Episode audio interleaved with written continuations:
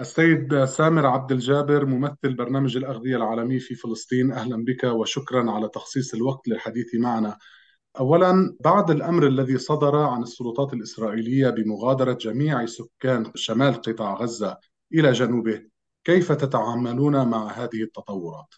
بالصراحة أخوي عزت لازم أقول لك إنه كان خبر صعب جدا بالنسبة لي لأنه أول إشي إلي فريق بيشتغل معي بغزة فأنت بتعرف إنه لما يكون في عندك علاقة مباشرة مع ناس بهموك بتعرف إنه قديش بيتعبوا على الأرض أول ناس بتفكر فيهم. بعدين لما تستوعب إنه إحنا قاعدين نحكي على تقريبا مليون فوق المليون شخص لازم يخلوا هاي مناطق مستشفيات مدارس الملاجئ.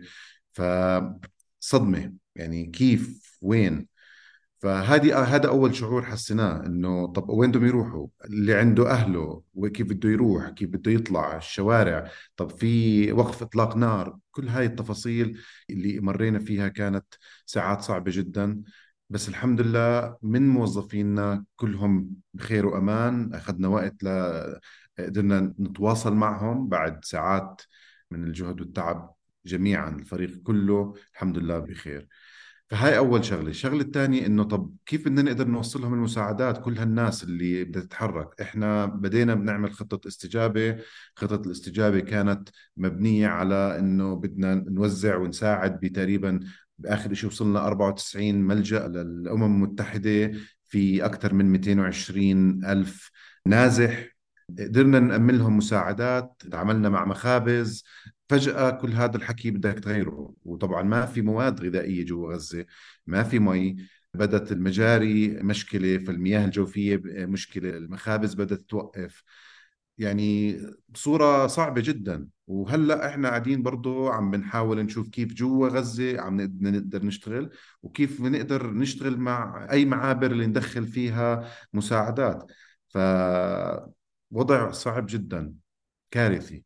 ذكرت أن المواد الغذائية تنفذ في آه، غزة. ما هي المدة التي نتحدث عنها قبل نفاذ المساعدات؟ يعني إذا بقدر أجاوبك بصراحة بكون يعني مش عم بعطيك الإجابة الصحيحة لأنه امبارح كنا عم نطلع على بالسوق تقريبا تحكي على بضاعة موجودة ممكن تكفي بين الأسبوعين لثلاث أسابيع. حسب إيش ال commodities اللي عم نحكي عنها. بس بعدين صار في حتى المطاحن تضررت فيش توريد فيش كهرباء فيش فيول عشان المخابز تقدر تشتغل. فكان الوضع عم بسوء بصورة سريعة.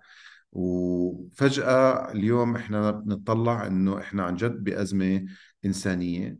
لسه ما في خطوط إمداد واضحة من وين ندخل مساعدات. ما في أكل كفاية جوا آه، قطاع غزة.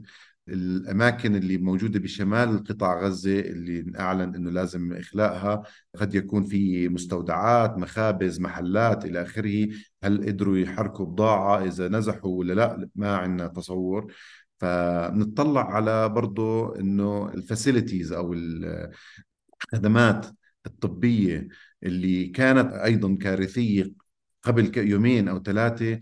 اليوم إحنا بصورة شوي صعبة جدا. بدنا موظفين يقدروا على على الأرض يعملوا مسح ميداني للاحتياجات. بس الموظفين نفسهم في حالة صعبة وحالة نزوح. ف ما عندي تصور لايمتى موجود في أكل أو مي أو هذا يعني حتى بالملاجئ قبل يومين كان في صعوبة وصول بالأكل أو المياه للملاجئ. اليوم قدرنا نوصل للملاجئ اللي موجودة بالجنوب ولكن المخابز رح توقف. ترتفع الأصوات طبعا من جميع المسؤولين في منظومة الأمم المتحدة لفتح ممرات إنسانية إلى غزة كما ذكرت. إلى أين توصلتم في محادثاتكم لتحقيق ذلك؟ هل هناك أي تجاوب؟ يعني نتأمل يكون في تجاوب. كل المبادرات محطوطة على الطاولة. إحنا عم نحكي إنه ما عندنا مشكلة مع أي معبر إنساني.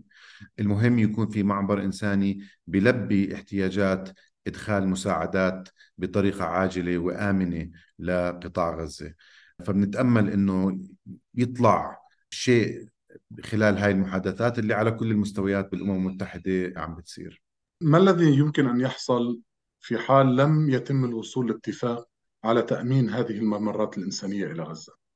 يعني مش حابب أتصور إيش حجم الكارثة لأنه إحنا بوضع صعب هلأ. وإذا بقارن اليوم عن امبارح أصعب اليوم. فأنت بتحكي على تقريبا 2.4 مليون شخص مهددين إنه ما يكون في أبسط حقوق للإنسان من ناحية غذاء وماء ودواء وصحة. ف يعني كارثة. أريد أن أتحدث قليلا عن موظفي البرنامج. كما ذكرت أوضاعهم صعبة. مشاكل تواصلك معهم خاصة وأن سمعنا تقارير تفيد بأن خدمة الإنترنت قد تنقطع في القطاع في الأيام المقبلة ماذا يخبروكم عن أحوالهم وعن عائلاتهم؟ صار لهم كم من يوم الاتصالات صعبة أصلا اليوم لما بدوا يشوفوا بدهم ينزحوا وينزلوا على المناطق الجنوبية. فقدنا الاتصال فيهم يعني من الساعة سبعة للساعة خمسة ونص مع تقريبا نص فريقي مش قادرين نتواصل معهم لأنه ما في اتصالات. فهاي يعني مصيبة. حتى هلأ إذا بدنا نعمل إحنا استجابة طب كيف بدنا نعمل استجابة وما في اتصالات على الأرض؟ فالوضع مش سهل.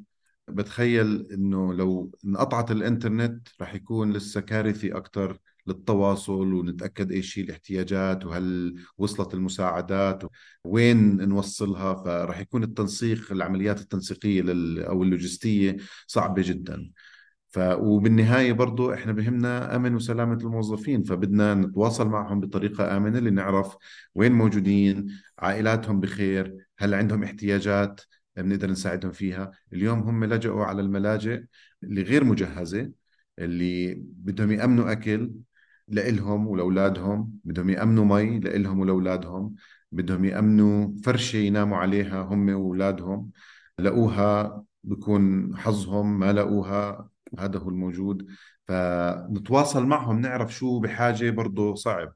فصفى اللي بيساعد اللي هو الموظف الإنساني اللي بده يساعد الناس اللي بحاجة لمساعدات هو بنفسه بحاجة لمساعدات. ولكن بقول لك أنا فخور فيهم كثير لأنه قبل ما يطلعوا حالهم قاعدين يشوفوا كيف بيقدروا يساعدوا الناس اللي على الأرض بحاجة للمساعدات ف يعني الله يعينهم.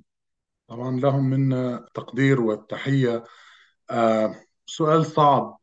هل فقدتم أي من زملائكم خلال الأحداث؟ هل هناك ضحايا في صفوف البرنامج في غزة؟ الحمد لله لا وإن شاء الله يكونوا كلهم هم وعائلاتهم بخير وسلامة والدبلوماسية تقدر تحل شوي من المشاكل اللي عم بتصير يعني أصعب قرار كان إنه نخبر زملائنا من برنامج الأغذية العالمي وبشكل عام الأمم المتحدة إنه لازم تتحركوا مش سهل قرار الواحد يترك بيته ويطلع. مش سهل يفكر بهاللحظة هاي إيش اللي ياخده؟ إيش اللي ما ياخده معاه؟ نسي جوازه نسي موبايله نسي شنطته الدواء رح يرجع على بيته ولا لا؟ يعني مش مش سهل. بس الحمد لله انه اطمنا عليهم وكانوا عايشين وبخير. الحمد لله. ما الذي تحتاجونه بشكل عاجل من المجتمع الدولي؟ بسيطة جدا. شغلتين. تسهيل وصول المساعدات الإنسانية ومنها المواد الغذائية اللي قطاع غزة بحاجة شديدة إلها اليوم. والشغلة الثانية أمن وحماية من الموظفين اللي بيشتغلوا بالقطاع الإنساني وشركائهم اللي بيشتغلوا بالقطاع الإنساني حتى نقدر نوصل للناس اللي بحاجة للمساعدات سواء هي غذائية دوائية مياه فيول أي شيء. المهم نقدر نوصل للناس اللي بحاجة لمساعداتنا حاليا. السيد سامر عبد الجابر ممثل برنامج الأغذية العالمي في فلسطين. شكرا لك على هذا اللقاء.